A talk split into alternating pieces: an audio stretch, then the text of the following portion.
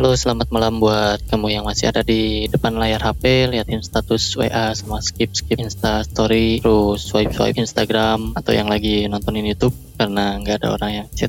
Jadi daripada swipe swipe nggak jelas, mending sini nih dengerin dongeng sebelum tidur aja. Siapa tahu cerita kalian nanti yang bakal diangkat. Oke, jadi di episode kali ini gue bakal berbagi kisah tentang seseorang pengusaha yang jatuh bangun dari uh, merintis usahanya. Pokoknya stay tune terus karena mungkin kalian bisa ambil garis besarnya dan bisa jadi pelajaran buat kalian. Tapi sebelum itu, sebelum masuk ke podcast story ini, seperti biasa sekarang kita intro dulu.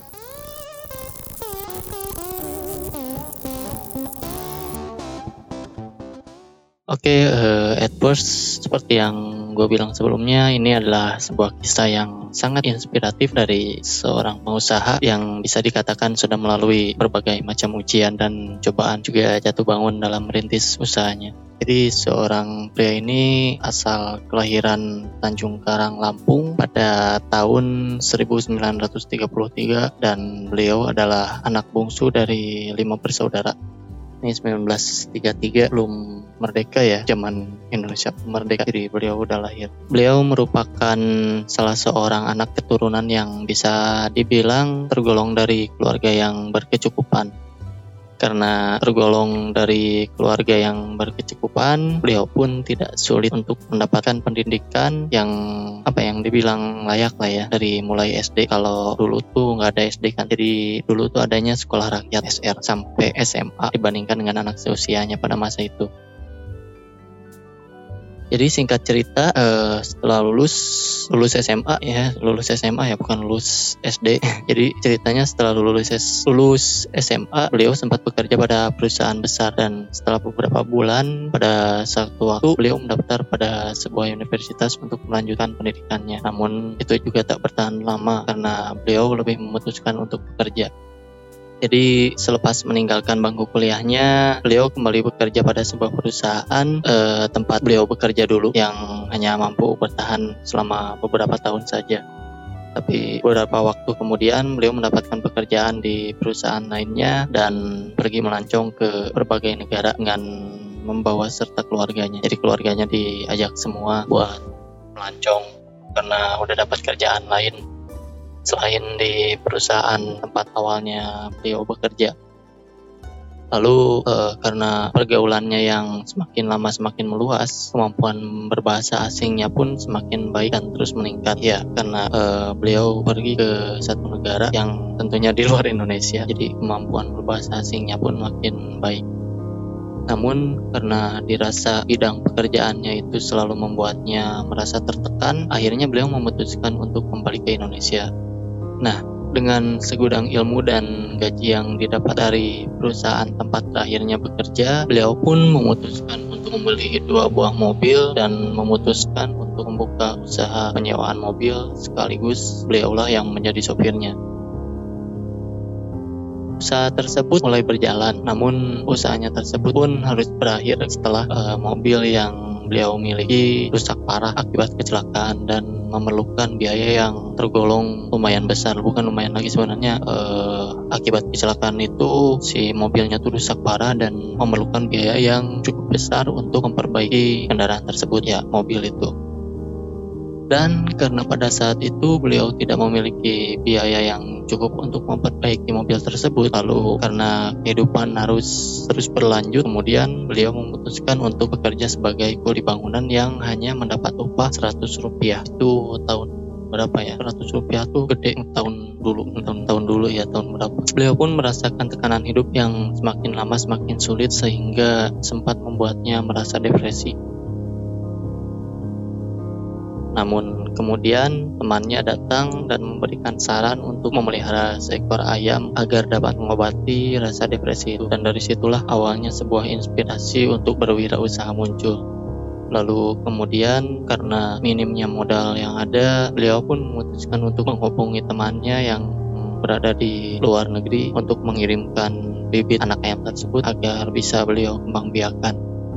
Namun karena beliau bukan sarjana di bidang peternakan dan juga beliau tidak memiliki cukup pengetahuan tentang cara mengembangbiakan anak ayam tersebut, beliau pun memutuskan untuk mempelajarinya terlebih dahulu dari sebuah media majalah yang akhirnya membuahkan hasil.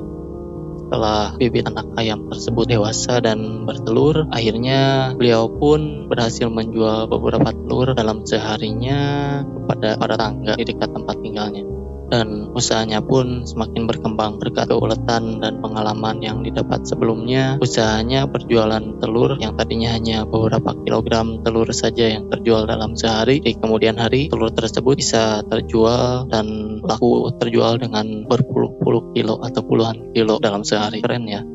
Usaha tersebut semakin lama semakin membesar sehingga akhirnya beliau memutuskan untuk merentangkan sayapnya di bidang sayur mayur dan buah-buahan. Semakin lama usahanya semakin maju hingga pada akhirnya tahun 1970 beliau membuat sebuah perusahaan yang menyediakan berbagai macam produk pangan impor untuk masyarakat. Setelah itu, karena bisnis dari penjualannya di perusahaan tersebut bisa dikatakan konsisten, beliau pun memutuskan untuk melebarkan sayapnya di bidang bisnis properti.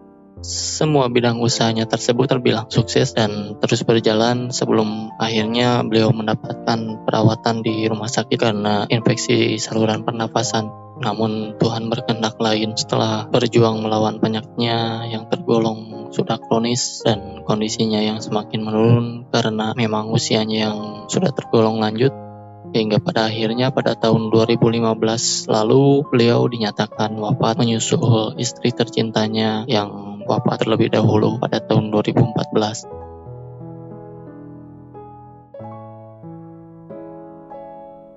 Oke, uh, eh, ini narasi yang pertama karena narasinya ternyata uh, pendek ya. Jadi mungkin buat kalian yang tahu ini kisah tentang siapa atau kalian yang pernah dengar ini cerita tentang siapa itu adalah Kri eh yang tadi itu kisah tentang seorang pengusaha. Pastinya juga kalian pernah dengar eh, pengusaha yang selalu berbusana nyentrik dengan baju safari dan celana pendeknya yaitu almarhum yang Bambang Mustari Sadino atau yang dikenal sebagai Bob Sadino dan sosoknya yang sudah sangat dikenal oleh masyarakat luas karena sangat menginspirasi. Terus juga eh, memberi motivasi kepada para pengusaha muda agar terus berusaha dan tidak mudah menyerah. Jadi uh, ini di narasi kedua, eh narasi lagi. Tadi bukan narasi, cerita sih sebenarnya bukan narasi. Jadi di cerita yang kedua ini gue bakal ceritain uh, versi aslinya dari uh, yang almarhum yang Bob Sadino ini. Jadi latar belakangnya adalah uh, yang Bob Sadino ini memiliki nama asli Bambang Mustari Sadino yang lahir dari pasangan suami istri Sadino dan Itinah Suraputra pada tanggal 9 Maret 1933 di Tanjung Karang, Lampung dan kemudian wafat di Jakarta tanggal 19 Januari 2015. Bob Sadino merupakan bungsu dari lima bersaudara lalu ia menikah dengan Sulami Sucu dan mempunyai dua orang anak perempuan bernama Shanti Dwi Ratih serta Mira Andiani. Beliau berasal dari keluarga yang berkecukupan. Ayahnya Sadino merupakan seorang guru dan menjadi kepala sekolah. Pergaulannya tentu uh, lebih baik mengingat sang ayah termasuk masuk Amtinar atau pegawai negeri pada zaman Hindia Belanda. Ibunya sendiri bernama Itina Suraputra dan latar belakang pendidikannya, latar belakang pendidikan yang Bob Sadino ini eh, pada tahun 1947 beliau menyelesaikan sekolahnya di SD atau sekolah rakyat ya kalau dulu gak ada SD di Yogyakarta ada tahun 1947 ntar gue kering. Dan setelah itu kita lanjut lagi. Dan setelah itu ia melanjutkan SMP 1950 dan SMA di Jakarta pada tahun 1953 setelah lulus SMA Bob Sadino sempat bekerja di PT Unilever namun hanya beberapa bulan. Nah itu yang tadi gue bilang di perusahaan besar. Dan kemudian dia mengikuti temannya mendaftar uh, kuliah Fakultas Hukum di Universitas Indonesia. Sebelum akhirnya memutuskan untuk meninggalkan pendidikan pendidikannya dan memilih pekerjaan. Jenjang karir Bob Sadino. Nah, ini di next ada jenjang karirnya langsung masuk ke jenjang karir. Jadi selepas meninggalkan bangku kuliahnya itu sebelum lulus Bob Sadino kembali menjadi karyawan Unilever hingga beberapa tahun setelah itu ia bekerja di perusahaan pelayaran Jakarta Lloyd dan melancong ke luar negeri. Jadi uh, beberapa ulasannya pas uh, beliau melancong juga uh, beberapa cerita lengkapnya mengenai perjalanan karirnya sebelum beliau sukses itu yang pertama beliau pernah menjadi sopir saat bekerja di pelayaran Jakarta Lloyd tersebut. Eh, eh salah kan? Gue salah baca. yang pertama itu menjadi sopir. Jadi saat bekerja di pelayaran Jakarta Lloyd tersebut, Bob Sadino sering melalang, melanglang buana ke luar negeri, terutama Belanda dan Jerman, sehingga kemampuan bahasa asingnya meningkat. Nah itu yang tadi gue bilang uh, sering apa melancong tadi itu bilang kalau nggak salah, kalau nggak salah ya benar. Di sana pergaulannya semakin luas namun selalu merasa tertekan dan pada akhirnya pada tahun 1967 Bob Sadino dan keluarganya kembali ke Indonesia. Ia menggunakan gajinya saat bekerja di Eropa dan warisan orang tuanya untuk membeli dua buah Mercy lalu membuka usaha sewa mobil merangkap sebagai sopirnya. Sayangnya terjadi kecelakaan sehingga kendaraan mewah tersebut rusak parah yang gue tadi bilang si uh, kendaraannya rusak. Perasaan gak, gak harus diulang ya.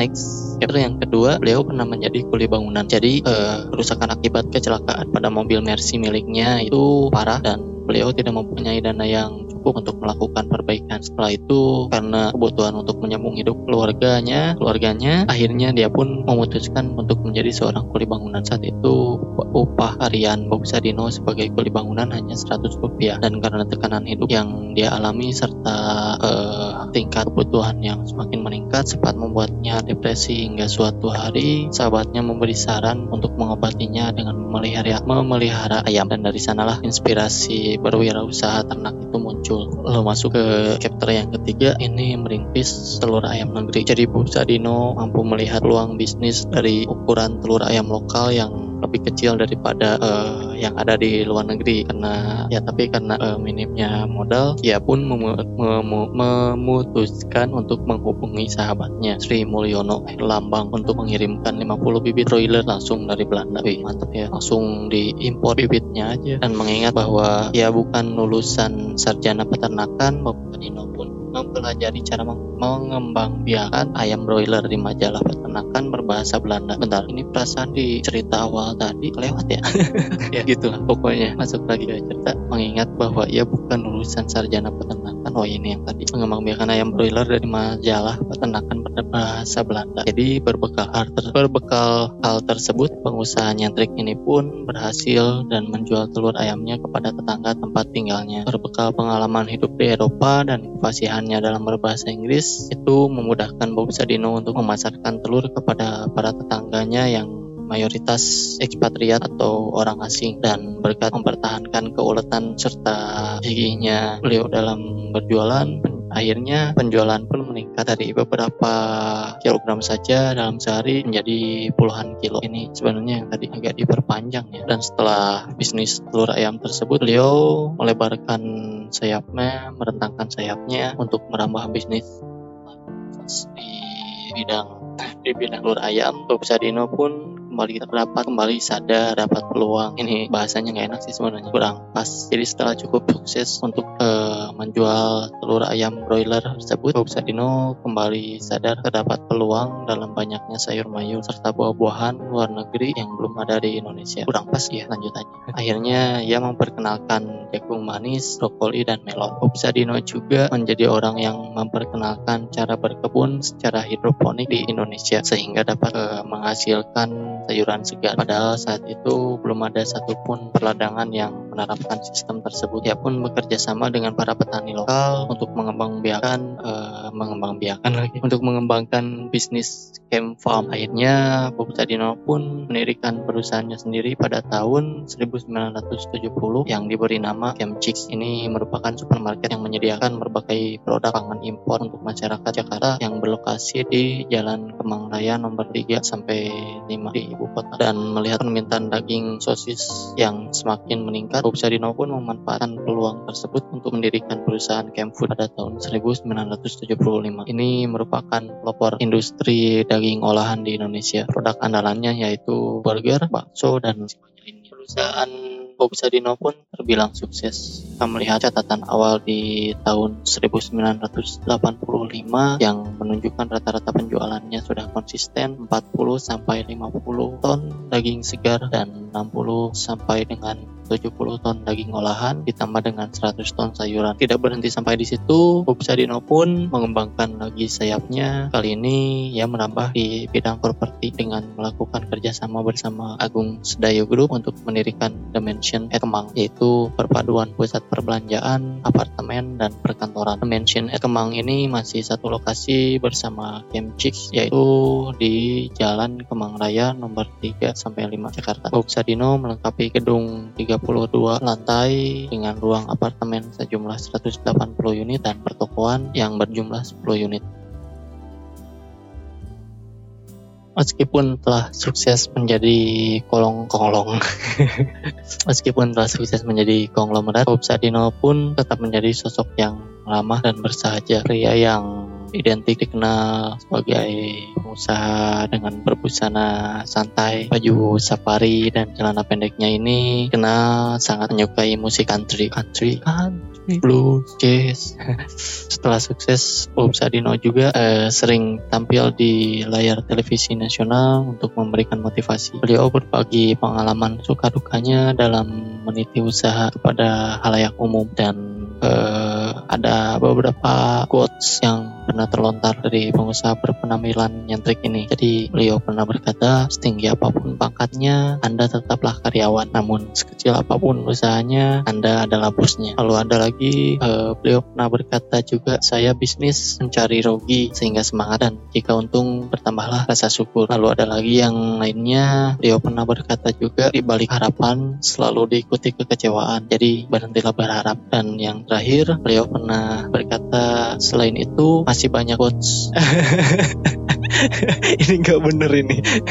Jadi selain itu masih banyak quotes yang lainnya dari Obsadino yang mampu memotivasi para calon pengusaha sukses supaya tidak mudah menyerah. Itulah. Itu. Jadi tiga contoh quotesnya yang gue bacain dari almarhum yang Bob Sadino dan sebelum menghembuskan nafas terakhirnya Bob Sadino sempat menjalani perawatan di Rumah Sakit Pondok Indah selama dua bulan lalu kemudian pada hari Senin tanggal 19 Januari tahun 2015 yang lalu beliau dinyatakan wafat setelah uh, berjuang dengan penyakit infeksi saluran pernafasan kronisnya. Bob Sadino sendiri sudah tidak sadarkan diri dalam kurun waktu 2-3 minggu sebelumnya sebelum dinyatakan meninggal dan hmm, selain itu karena usianya yang semakin lanjut dan juga kondisinya memang semakin menurun uh, semenjak wafatnya sang istri tercinta pada bulan Juli tahun 2014 jadi setahun sebelumnya sang